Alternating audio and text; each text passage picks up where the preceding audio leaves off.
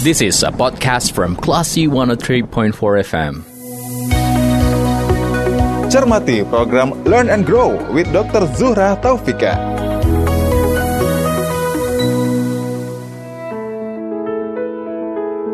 Dari Bumi Karang Putih Darung Padang, Menurut Pain 4 Kelas FM, this is the actual radio. Assalamualaikum, Classy People, apa kabar? Saya Lia Priyanka, Anda mencermati program Learn and Grow with Dr. Zuhra Taufika. Classy People, kali ini kita akan bahas mengenai jaga asupan gizi saat puasa. Halo, Dr. Vika, apa kabar? Baik. Kabar baik ya dok, semoga puasanya lancar, semoga puasanya Amin. lancar ya dokter ya. Ya. Nah kita ngomong soal menjaga asupan gizi saat puasa. Tentu kita tahu ya penting sekali menjaga asupan gizi saat puasa ataupun tidak puasa. Nah mumpung kita lagi di uh, suasana bulan Ramadan, kita ngomongin soal puasa nih dan juga asupan gizi. Nah, uh, Dokter Vika, bagaimana keseimbangan asupan gizi kalau disesuaikan dengan kebutuhan dan kondisi tiap individu? Baik, jadi um, marhaban ya Ramadan ya, classy people ya. Jadi memang pada bulan Ramadan yang suci ini ternyata uh, asupan ya, asupan makanan itu sebetulnya tidak berubah gitu. Artinya sebelum dan pada saat Ramadan jumlah atau angka kecukupan gizi itu tidak berubah.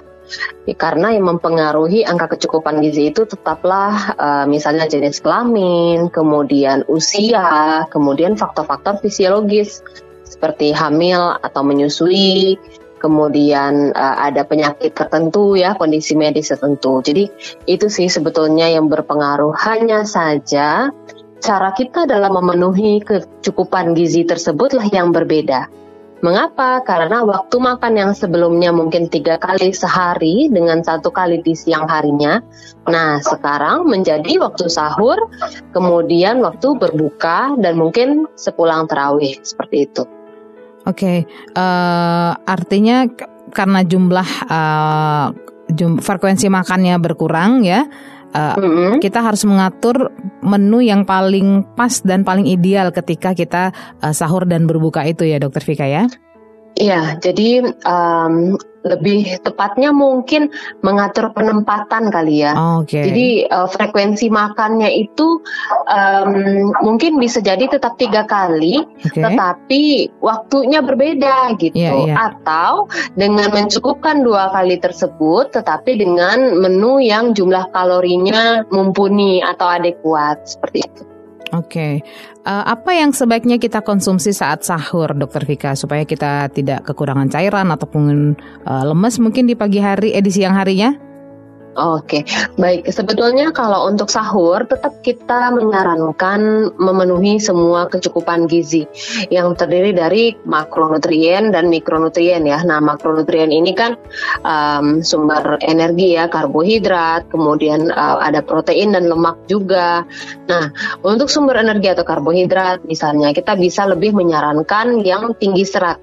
Tinggi serat seperti um, bisa jadi ketang selain dari nasi ya mungkin nasinya seporsi separuh aja kemudian hmm. ditambahin kentang hmm. kemudian ada ubi artinya um, yang kandungan seratnya lebih tinggi kemudian disertai juga nih dengan sumber mikronutrien seperti sayur dan buah kenapa karena dengan mencukupi kebutuhan serat yang lebih tinggi tersebut rasa kenyang yang ditimbulkan itu akan lebih lama sehingga kita tidak uh, terburu-buru untuk merasakan lapar. Nah, berbeda nih kalau kita lebih memilih yang um, apa ya terlalu manis atau kandungan glikemiknya itu uh, lebih cepat tubuh nanti mengubahnya menjadi gula. Nah, hmm. semakin cepat dia diubah oleh tubuh atau di metabolisme menjadi gula, maka itu akan menimbulkan rasa lapar yang menjadi lebih cepat juga. Jadi um, kembali lagi tadi cukupi kebutuhan semua zat gizi yang terdiri dari karbohidrat, protein, lemak ya. Kemudian cukupi juga sayur dan buahnya. Nah, kemudian menjaga hal-hal yang bisa memicu rasa uh, haus atau dahaga. Seperti teh, kopi, soft drink itu kan minuman-minuman juga yang bisa memicu buang air kecil lebih sering. Karena Begitu juga dengan ya. yang manis-manis ya, yang terlalu manis tadi, yang eh, kadar gulanya tinggi ya, yang seratnya rendah tapi kadar gulanya tinggi. Misalnya sirup-sirupan atau yang apa ya, eh, air-air buah. Kalau diminum pas sahur itu kan dia mengandung gula ya. Nah, kalau mengandung gula yang tinggi itu nanti kita pipis-pipis. Kalau pipis-pipis otomatis kan bisa ya memicu eh, dehidrasi dan memicu rasa haus lebih cepat muncul. Oke. Eh, kalau protein bagaimana Dokter Vika? Apakah protein ini bisa membantu kita eh, menjadi kenyang lebih lama dan membuat energi kita menjadi lebih tahan lama juga? Ya, jadi uh, protein uh, utamanya memang untuk uh, sel-sel tubuh ya. Jadi dia um, membantu untuk mencukupi faktor yang dibutuhkan oleh sel tubuh kita supaya bisa uh, melaksanakan aktivitasnya seperti uh, sedia kala gitu. Nah, jadi protein apa pun itu, apakah itu uh, ayam, daging, telur, itu tetap kita sarankan untuk bervariasi dikombinasi dengan uh, protein nabati seperti tahu, tempe atau kacang-kacangan. Nah, terutama nih di kacang-kacangan itu karena seratnya jauh lebih tinggi ya, itu juga membantu untuk membuat rasa kenyang hadir lebih lama. Nah, jadi itu juga silahkan dikonsumsi pada saat sahur nah, sehingga uh, seperti tadi serat yang tinggi mempertahankan rasa kenyang lebih panjang. Oke, Eh, Dokter Vika, terkadang Ya. seseorang menambahkan mie instan nih dalam menu makanannya, Mm-mm. mungkin dalam ala- dengan alasan kalau sahur itu pengennya ada yang eh, kuah-kuah, panas-panas. Nah, gitu tuh gimana kira-kira dok? Kalau ada yang makan mie instan, Sebetulnya sebetulnya kalau alibinya ingin menambahkan yang berkuah gitu ya. bikin sayur ya harusnya. kuah sayur kan. itu kalau misalnya alibinya begitu loh. Heeh. Nah, tapi kalau memang pengennya mie itu lain soal ya. Heeh. Artinya gini, mie itu kan berasal dari tepung-tepungan ya. Itu juga Ya. termasuk Karbohidrat. penganan yang ibaratnya karena dia berasal dari tepung ya, dari tepung. Nah, itu lebih cepat sih eh, diolah oleh tubuh sehingga rasa lapar itu lebih cepat hadirnya. Nah, berbeda dengan pasta karena pasta dari gandum ya itu Ah, um, oke. lebih uh, hampirlah mirip dengan kentang gitu. Hmm. Jadi kalaupun ingin menghadirkan mie itu tetap dikombinasilah dengan uh, bahan makanan yang lain. Apakah itu ada kentangnya, kemudian ada uh, beras merah atau nasi seperti itu. Jadi tidak itu sebagai uh, bahan pangan tunggal. Ya, jadi kalau sekedar uh, ibaratnya kayak alibinya tadi cuman buat nambahin masih boleh lah ya gitu Dokter Vika ya. Asal Iya, jangan itu aja itu. tuh yang dimakan gitu ya. Ah iya betul sekali. Apalagi kalau misalnya tadi kan modusnya itu Pengen yang Uh, berkuah. iya, padahal kan kuah bisa dapat ya dari kuah sayur. iya gitu ya. benar. Sup juga bisa ya kalau mau berkuah Iya, ya. sup juga bisa. Ya, jadi memang itu yang lebih di apa ya, lebih dianjurkan karena sahur itu di awal, jadi Mhm. otomatis kita memikirkan bagaimana kalori yang kita konsumsi itu em, bertahan ya, bertahan dalam proses pencernaannya lebih panjang sehingga menunda rasa lapar. Itu yang kita harapkan. Nanti baru nih pas berbuka baru nih karena kita ngerasain dahaga, haus seharian. Nah, yang berkuah-kuah, yang berair, nah itu enak banget tuh pas berbuka puasa. Oke, ada makanan yang tidak dianjurkan atau makanan yang dianjur ah, yang tidak dianjurkan saat sahur uh, Dokter Vika? Nah, itu tadi eh, yang kita tidak anjurkan adalah makanan yang terlalu manis karena dia kan sifatnya diuretik ya, artinya Mhm. menarik cairan. Jadi kalau kita banyak makanan yang manis, yang manisnya gula ya, nah itu akan mem- mem- meningkatkan frekuensi buang air kecil. Nah, kemudian begitu juga dengan teh, kopi, itu kan ada zat juga yang bisa memicu buang air kecil lebih sering. Nah, nanti dikhawatirkan kalau buang air kecilnya lebih sering bisa memicu dehidrasi karena kan sepanjang hari kita tidak eh, memperoleh asupan eh, cairan. Oke, nah kalau itu buat sahur ya, kalau buat berbuka bagaimana ah, Dokter Vika? Nah, kalau untuk misalnya berbuka, memang sangat dianjurkan ya em, untuk mencukupi. Mencukupi itu tetap seperti eh, tadi bahwa ada makro dan mikronutrien. Hanya saja nih ketika saat berbukanya itu kita dianjurkan berbuka dengan yang katanya manis. Tapi manis ini nggak melulu seperti harus mengandung gula ya. Jadi misalnya nih kurma. Kurma dianjurkan itu kan dalam bilangan ganjil ya. Misalnya Iya. tiga butir kurma itu Iya. setara dengan kurang lebih 60 kalori karbohid Oh, karbohidrat. Okay. Nah, ternyata si kurma nih dia juga mengandung serat yang mengenyangkan Yeah. dengan kadar gula yang alami Mhm. dan beragam uh, vitamin mineral. Nah, itu tuh positif tuh untuk tubuh. Tapi uh, kemudian kan kadang-kadang ada juga orang yang ingin berbuka dengan air buah. Iya. Nah, jadi kalau air buah coba lebih uh, dominankan buahnya dibandingkan gula. Kalau bisa malah tidak pakai gula atau buah potong saja. Nah, itu sebetulnya menghadirkan em, apa ya? Seharian kita tuh sudah lapar. Nah, kandungan gula yang ada dalam makanan itu itu akan membantu em, memenuhi perasaan lapar tersebut gitu. Tapi tidak terlalu manis. Itu tadi kenapa sih tidak terlalu manis? Karena kita sebetulnya nanti tidak berharap dengan pabukuan itu kita kenyang. Oh, Tapi itu oke. hanyalah pembukaan Oh, menjelang masuk ke menu utama yang lengkap. Karena kalau misalnya kita sudah berbuka puasa dengan yang manis-manis sekali, itu kan rasa laparnya cenderung nanti hilang atau jauh berkurang. Jadi lebih Nah, nggak nggak nafsu uh-uh, makan jadi- gitu ya? Iya, jadi jadi kurang. Akhirnya eh, tubuh kita yang sebetulnya membutuhkan kandungan gizi yang jauh lebih eh, lengkap, jauh lebih banyak, akhirnya kita tidak tidak jadi men- mencukupinya karena apa? Karena rasa laparnya sudah eh, terpuaskan. Padahal rasa lapar yang terpuaskan tadi karena yang manis-manis sifatnya hanya sementara gitu. Jadi tetap kita nanti menjelang dari uh, pembukuan itu, nah barulah kita masuk ke main course-nya yang ada karbohidrat, protein lemak dan uh, vitamin mineral dari sayur buah Mhm. seperti itu. Eh, setelah kita seharian berpuasa kan em, ibaratnya organ pencernaan kita itu beristirahat ya. Ketika kita Mm-mm. ketika kita berbuka puasa, eh, benarkah berbahaya kalau kita langsung mengkonsumsi makanan berat?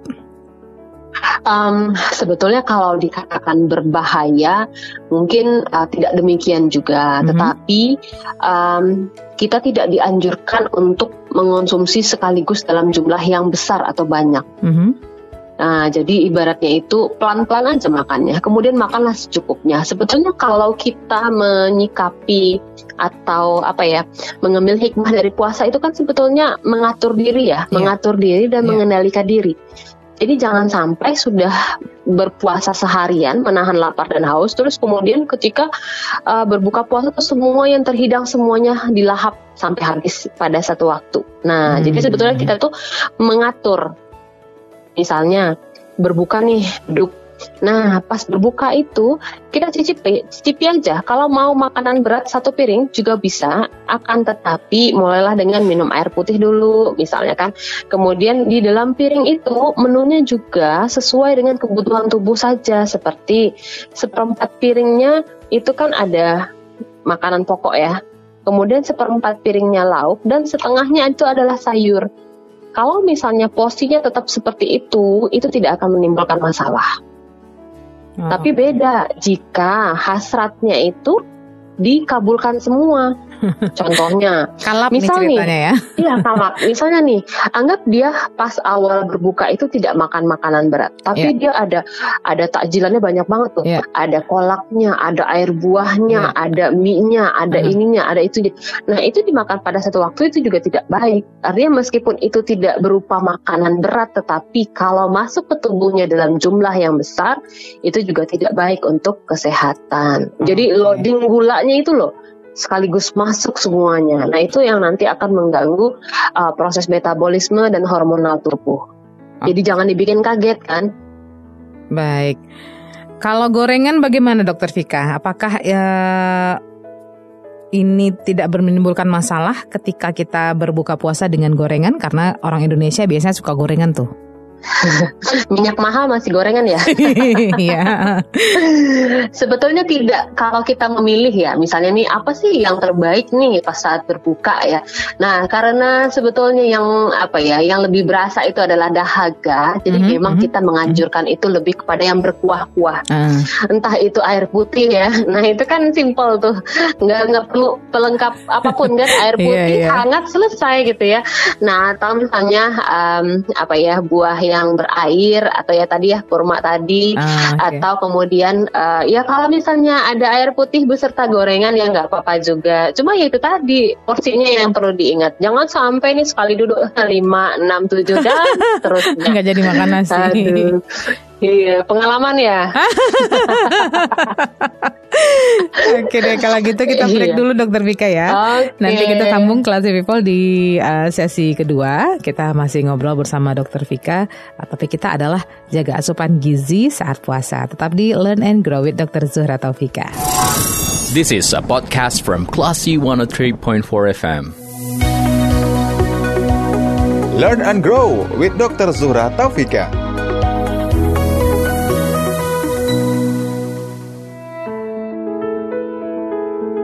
Empat kelas FM, this is the actual radio. Kembali di program Learn and Grow with Dr. Zuhra Taufika.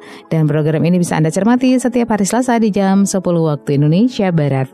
Nah, kita akan uh, lanjutkan obrolan kita dengan Dr. Vika di hari ini, Classy People. Topiknya adalah jaga asupan gizi saat puasa. Tadi di sesi 1, Dr. Vika sudah sampaikan apa yang sebaiknya kita konsumsi di saat sahur, di saat berbuka juga.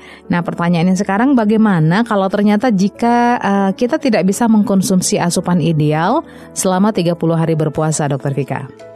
Hmm, kalau misalnya kita tidak memungkinkan ya, tentu nanti tubuh akan mengambil kecukupan gizi itu pada simpanan tubuh kita sendiri. Jadi kan tubuh kita ini kan canggih ya, artinya tuh Allah sudah menganugerahi kita tuh dengan uh, pertahanan berlapis lah ibaratnya. Contohnya nih, um, seseorang puasa pagi mungkin nggak sempat sahur lah ibaratnya. Iya. Lalu dari mana sih tubuh mengambil um, apa zat-zat untuk dia beraktivitas sehari gitu ya. Nah itu kan kita punya cadangan um, glukosa atau glikogen. Jadi kita akan di, yang dipecah terlebih dahulu itu adalah dari uh, hati. Jadi di metabolisme tuh intinya adalah sel tubuh itu nggak boleh nggak dapat asupan. Iya. Entah itu asupan uh, nutrisinya dari makanan atau dari uh, cairan. Jadi dia akan mengambil dari tubuh. Contohnya nih um, dari hati. Jadi hati nanti akan me- melakukan metabolisme sehingga tetap tercukupi kebutuhan sel. Nah, kalau cairan gimana? Nah, tentu nanti ginjal kita akan mencegah nih supaya timbulnya uh, buang air kecil. Jadi dia ibaratnya itu memekatkan urin. Jadi pipis nanti mungkin menjadi lebih pekat warna kuningnya seperti Hmm, itu. hmm, hmm. Jadi itu adalah uh, tameng pertama. Nanti kalau misalnya nih berhari-hari seperti itu, seperti uh, bagaimana gitu ya. Nah kalau misalnya uh, langkah berikutnya itu akan dipecah misalnya glikogen dari otot. Jadi mungkin protein otot yang dipecah ya. juga. Uh, atau kalau dalam jangka panjangnya itu bisa nih lemak tubuh. Tapi untuk memecah si lemak itu harus diiringi nih dengan aktivitas tubuh atau exercise. Karena apa? Karena untuk memecah lemak ada zat yang dibutuhkan eh, namanya karnitin. Nah, karnitin itu supaya dia masuk ke dalam sel ada exercise atau ada olahraga.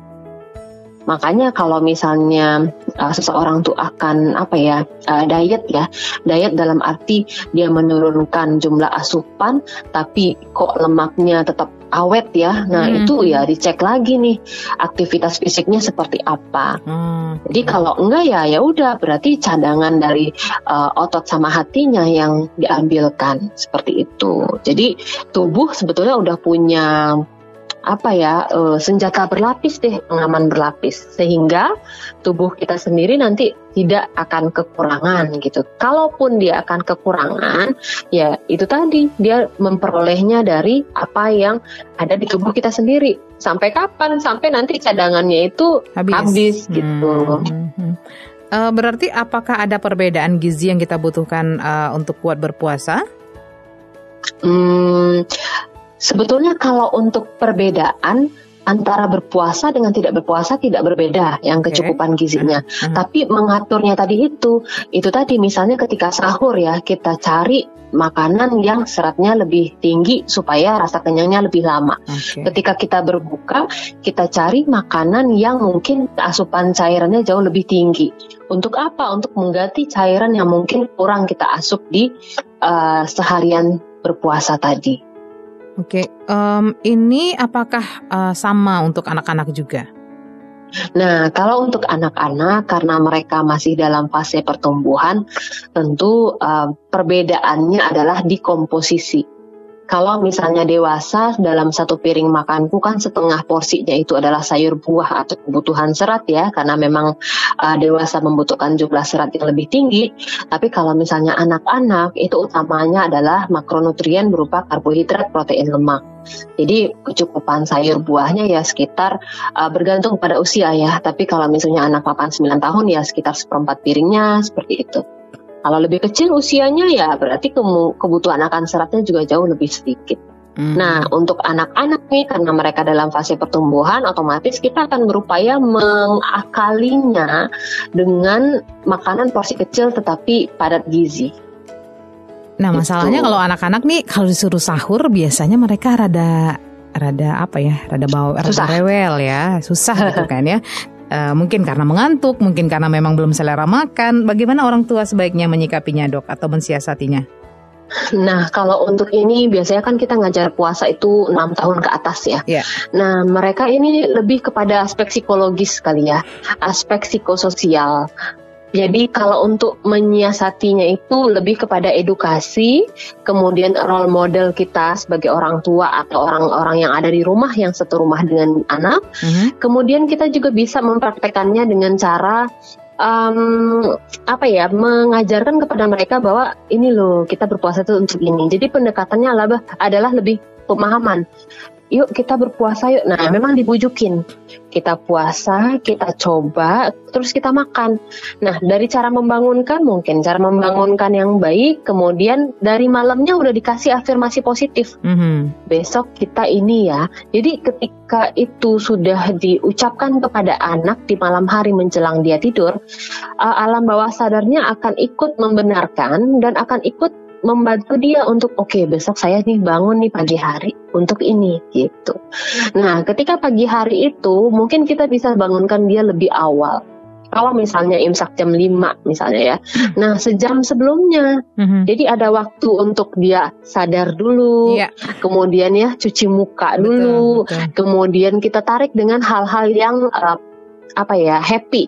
Mhm. Apakah itu ada tontonan ya tontonan yang ibaratnya uh, Islami, Mhm. kemudian cerita-cerita Nabi yang ibaratnya dia akan on, jadi Mhm. membuat anak on dulu. Mhm. Setelah dia on, baru nih kita masuk ke sesi makan sekeluarga. Artinya role model tadi. Nah, dari role model itu dia akan melihat kan, oh iya orang tua saya makan, ini makan, kemudian saya makan. Nah, akhirnya dia ikut tuh makan, misalnya kan. Nah, barulah yang tahap berikutnya, apa yang dimakan anak? Bagaimana caranya dalam porsi yang tidak terlalu besar, dia bisa habiskan dan kandungan gizinya tinggi. Nah, misalnya apa? Ya kayak kita bikin omelet deh. Omelet itu campurin daging cincang di dalamnya. Itu akan membuat anak terbantu mencukupi kalori atau kebutuhan gizi, sekaligus membuat nanti rasa kenyangnya hadir lebih lama. Oke, kalau Gitu. misalnya anaknya termasuk yang tipe susah makan di pagi hari gitu ya, di saat sahur itu di dilebihkan, diganti, digempur di buka puasa boleh gitu dok? Em, kalau digempur kayaknya nggak sanggup tuh. Artinya, karena kan tubuh itu dia punya batas ya atau kapasitas. Seenggak mau nggak maunya anak makan, Mhm. kalaupun ketika dia udah menahan lapar ya sepanjang hari, tetap ketika dia berbuka puasa tuh kan nggak mungkin dia makan Iya. selahap-lahapnya nggak Mhm. mungkin. Jadi tetap dia akan punya batas. Tapi nanti sepulang tarawih nih, kita tambahin lagi asupannya. Hmm, kasih cemilan yang bergizi Ah, lagi gitu ya. Ya, jadi uh, uh, artinya kita uh, waktunya kita juga perhi- perhitungkan. Jadi nggak hanya nggak hanya ya atau cukup sulit sih ya membuat anak tuh makan pada satu waktu untuk semuanya agak bisa cukup gitu. Sehingga ketika ketika pulang tarawih itu kita akalin, eh nanti makan ini lagi artinya dua jam ya setelah berbuka puasa itu ditambah lagi. asupannya. Oke, nah sekarang kita ngomongin soal kebutuhan air saat berpuasa. Gimana Ya. uh, tipsnya agar kebutuhan air ini tetap kebutuhan cairan tetap bisa terpenuhi? Nah, kalau kebutuhan cairan, misalnya diawali dengan sahur. Sahur misalnya kira-kira dua gelas ya, dua gelas. Jadi em, sebelum makan sahur, kemudian setelah makan kita cukupin lagi, jadi kurang lebih ya sekitar dua gelas besar.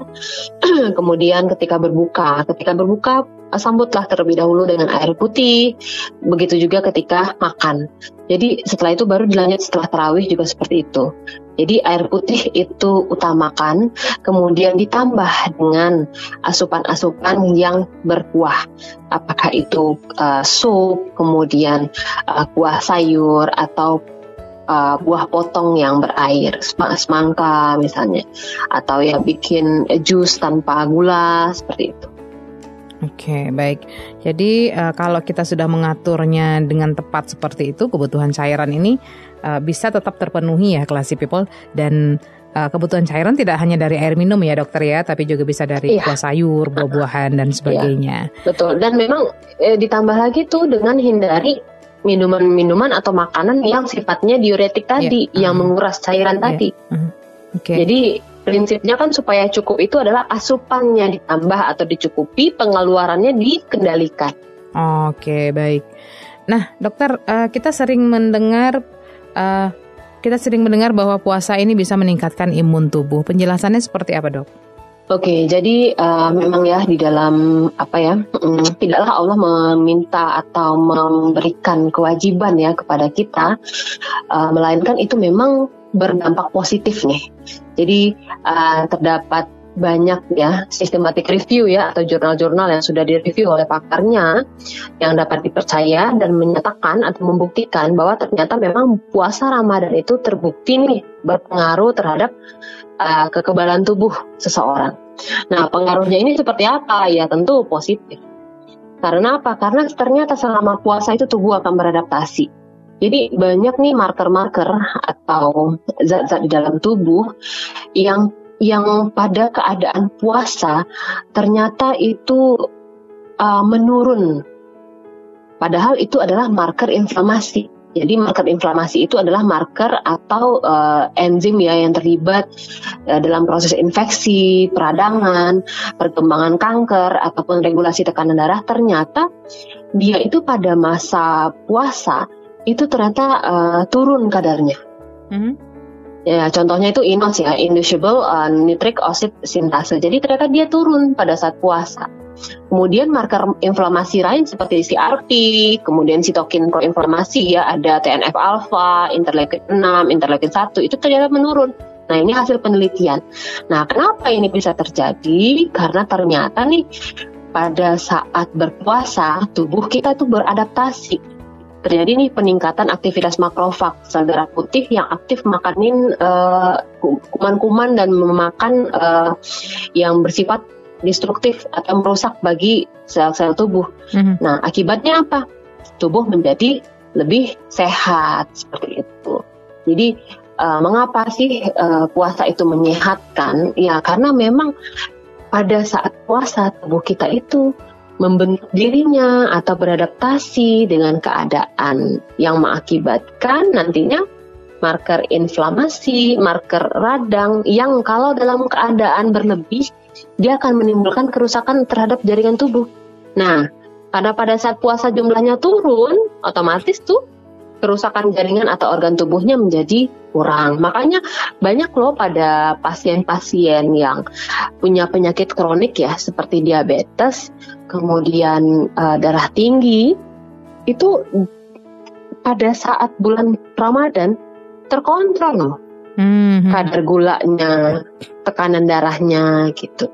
Tapi ya tentu dengan catatan selama mereka atau pasien tersebut uh, menjalani puasa dengan benar. Dengan asupan gizi yang benar juga ya.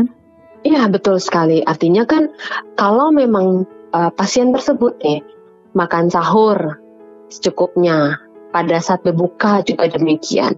Nah, pola itu kan rutin ya selama kurang lebih 30 hari. Nah, itu tuh tubuh tentu akan beradaptasi. Jadi tubuh kita itu saking pinternya, dia akan punya pertahanan seperti tadi. Nah, akhirnya apa? Metabolisme yang terbentuk pada saat puasa Ramadan itu akan menimbulkanlah respon tubuh yang lebih baik sehingga tekanan darahnya menjadi lebih normal pada saat puasa Ramadan, kadar gula darah pada pasien-pasien DM biasanya juga terkendali gitu. Nah, tapi lain soal kalau puasa sih puasa, tapi ternyata poin penting puasa seperti pengendalian diri dalam pengendalian pola makan itu tidak dijalankan dengan baik. Jadi seharusnya puasa ini kan harusnya eh, membuat kita menjadi lebih bugar, lebih sehat gitu ya dokter ya. Tapi yang terjadi adalah kita lebih sering merasa lemes nih. Nah, ya sebetulnya mungkin definisi lebih bugar di sini bukan berarti kita lebih lebih turn on terus tentu tidak. Mm-hmm. Tetapi itu cukuplah untuk kita bisa beraktivitas. Mm. Kalau lebih lemes dalam artian um, apakah itu karena, karena tidak adanya, cairan? Ah, iya karena tidak ada asupan kan satu aha, hari otomatis aha. kan memang um, kita merasa tuh kurang bertenaga. Tapi itu tadi kembalilah kepada um, niat ya di awal. Makanya yang pertama tuh rukun puasa kan dia niat ya. Yeah, yeah. Ketika itu niatnya utuh, kemudian nih tubuh kan sebetulnya itu tadi dia ada metabolismenya sendiri.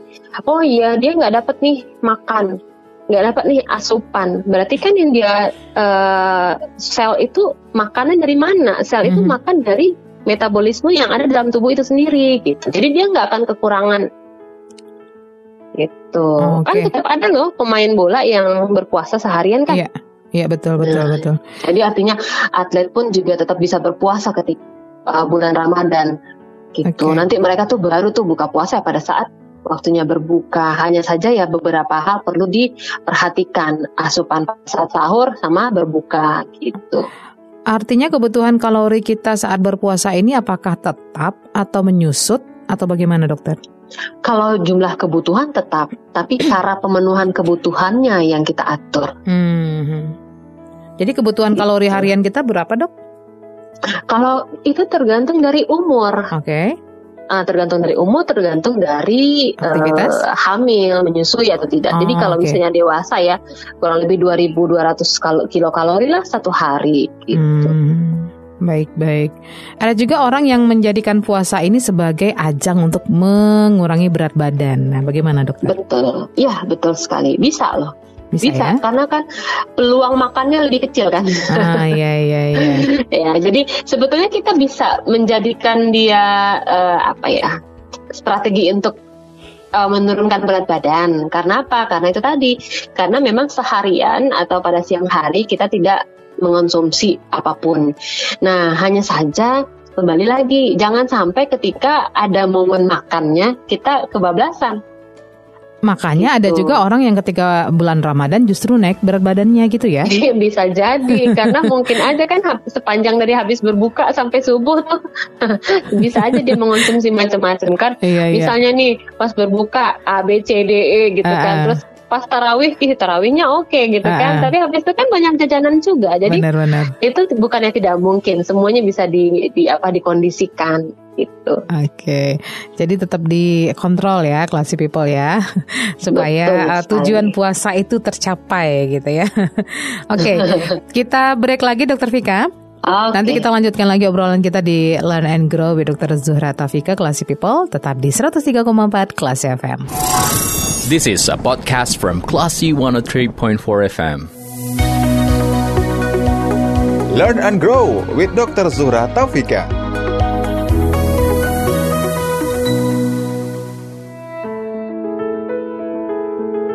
103,4 kelas FM, this is the actual radio Classy People di sesi terakhir untuk Learn and Grow with Dr. Zuhra Taufika hari ini. Topik kita adalah jaga asupan uh, gizi saat puasa. Masih bersama saya Lia Classy People ya.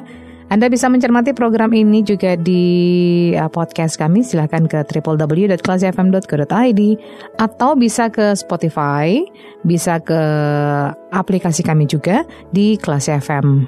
Silahkan download di Play Store ataupun di App Store. Nah, Dokter Vika, bagaimana ya. kalau uh, seseorang itu terkena penyakit tertentu dan berefek ke menu harian.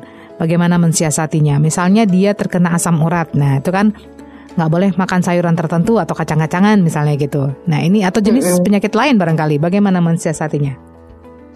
Um, pertama ya, uh, terlebih dahulu adalah orang tersebut itu harus berkonsultasi dengan dokter. Oke. Okay. Karena nanti dia akan mendapatkan arahan-arahan tertentu terkait dengan apa yang boleh dan apa yang sebaiknya dihindari. Mm -hmm.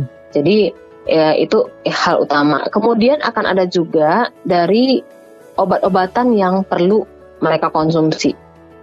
Nah, jadi artinya di sini uh, untuk hal seperti ini bersifat khusus dan bersifat individual yang tidak bisa kita samakan antar satu orang dengan yeah. orang lain meskipun diagnosisnya sama. Oh, artinya sama-sama asam urat tapi bisa jadi penanganannya berbeda.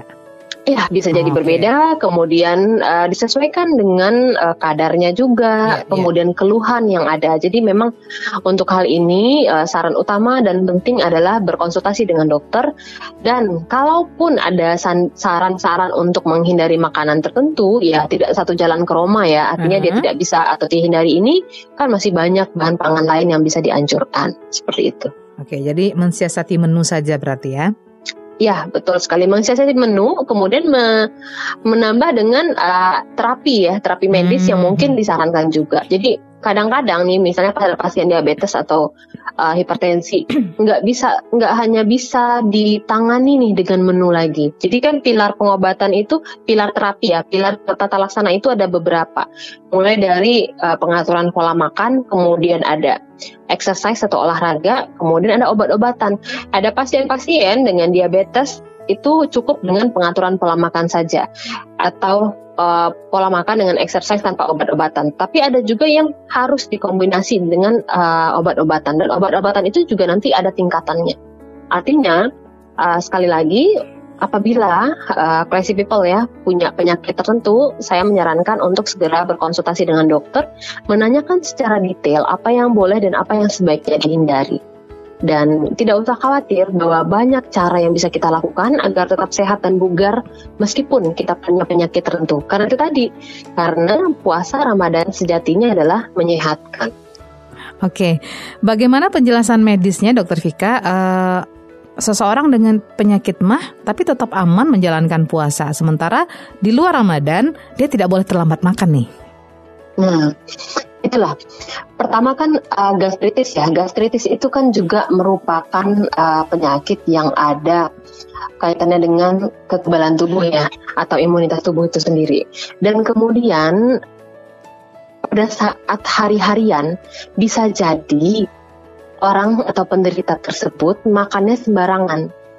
Mm-hmm. sembarangan ini bisa memicu kambuhnya penyakit mahnya. Jadi tidak serta merta pada uh, terlambat makan. Sembarangan ini artinya jam makannya atau yang dikonsumsinya nih? Yang dikonsumsinya. Oh, Oke. Okay. Uh, jadi misalnya nih, pada penderita penyakit mah, mungkin pada hari-hari awal puasa, awal-awal Ramadan mungkin ada sedikit uh, apa ya adaptasinya lebih berasa gitu yang kemarin misalnya makan rutin, kemudian aduh pas siangnya cobaan banget gitu ya. Tapi itu tadi besok hari atau lusanya atau lusanya lagi itu tubuh tadi itu sudah beradaptasi. Nah, ketika tubuh sudah beradaptasi, keluhan yang tadinya ada menjadi tidak dirasakan lagi. Dengan mm-hmm. catatan, pada saat sahur, dia mengontrol apa saja yang masuk ke dalam uh, lambungnya dengan cukup baik dan begitu juga ketika berpuasa. Mm-hmm. Contohnya nih ketika dia uh, berbuka puasa, um, menghindari makanan-makanan yang sifatnya asam, kemudian menghindari makanan yang mengandung vitamin C terlalu tinggi. Jadi sambutlah dengan air putih hangat, kemudian um, mengisi dengan cemilan atau kudapan yang sederhana yang tidak terlalu berat ya untuk mm -hmm. uh, pada saat makan misalnya seperti kurma atau ya bisa jadi uh, apa ya tahu kukus ya seperti yeah, itu. Yeah. Nah barulah masuk pada main course-nya atau makan utamanya. Nah nanti pulang tarawih tuh dia coba uh, makan lagi. Jadi tinggal memutar waktu. Kalau misalnya biasanya nih dari uh, pada siang hari perutnya berisi. Nah sekarang tuh antara berbuka dengan imsak itu ada kita uh, anjurkan lagi dia meng mengisi perutnya lagi atau makan lagi tuh ketika habis tarawih dengan menjarakkan waktu makan dengan tidur. Jadi jangan terlalu dekat juga. Yeah, yeah. Karena ketika terlalu dekat jarak makan dengan tidur itu akan mengakibatkan uh, perasaan lapar muncul lebih cepat. Oh, okay. Dan um, apa ya menyesak rasanya ke dada nanti itu. Oke baik. Nah kalau puasa kadang kita juga rentan sariawan nih dokter. Bagaimana itu? Nah iya. Jadi sariawan itu kan sejatinya um, karena mulut kering, kemudian uh, asam lambung ya uh, terpicu ya ketika kosong perut. Nah itulah mengakibatkan bakteri di dalam mulut itu berkembang menjadi uh, lebih sering.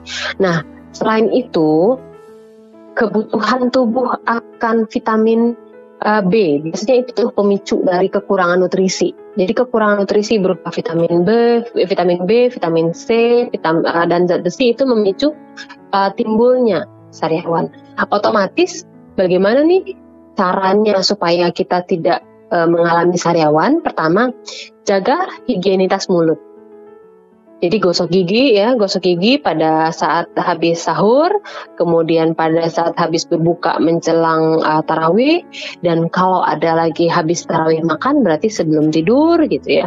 Nah itu kita lakukan untuk menjaga atau mengontrol perkembangan uh, mikrobiota yang uh, tidak baik di rongga mulut itu satu.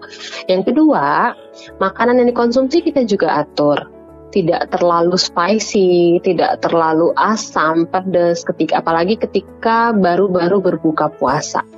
Nah, imbangilah dengan memperbanyak konsumsi cairan. Kemudian vitamin B, vitamin C. Tapi bukan berarti harus suplemen juga sih. Lebih dianjurkan untuk buah potong supaya seratnya juga kita dapat. Kemudian vitamin B ya dari uh, sayur buah yang ada kita konsumsi. Nah, setelah itu barulah cukup tidur, istirahat, dan minimal stres. Karena kan sariawan juga bisa ditimbulkan karena um, imunitas tubuh yang kurang baik. Oke, baik. Itu dia tipsnya ya Classy People ya. Jadi kalau ada yang uh, mengalami keluhan ini mudah-mudahan bisa teratasi setelah mendengarkan penjelasan dari Dokter Vika. Nah satu lagi nih Dokter Vika, uh, hmm. Ketika kita puasa itu kan cairan tubuh berkurang atau hilang. Nah, kita tahu nih ada minuman yang mengklaim bisa menggantikan uh, cairan tubuh tersebut, tersebut misalnya minuman uh, isotonik katanya gitu bisa mengganti uh, cairan tubuh, mengganti kandungan ion. Nah, ini benar nggak sih? Um, biasanya anjuran terhadap konsumsi minuman tersebut apabila kita mengeluarkan keringat, mengeluarkan ion-ion tubuh yang lebih banyak ya. Uh-huh. Nah itu pas kapan? Pas kita berolahraga. Nah, sedangkan nih ketika kita berpuasa, sebetulnya kita tidak berolahraga kan, hanya saja memang kita mengalami kekurangan cairan karena asupan yang kurang. Uh-huh. Asupan yang kurang baik itu dari um, makanan utama termasuk dengan cairan. Mm-hmm. Otomatis uh, mengonsumsi minuman-minuman tersebut tentu tidak akan bisa mengcover keseluruhan.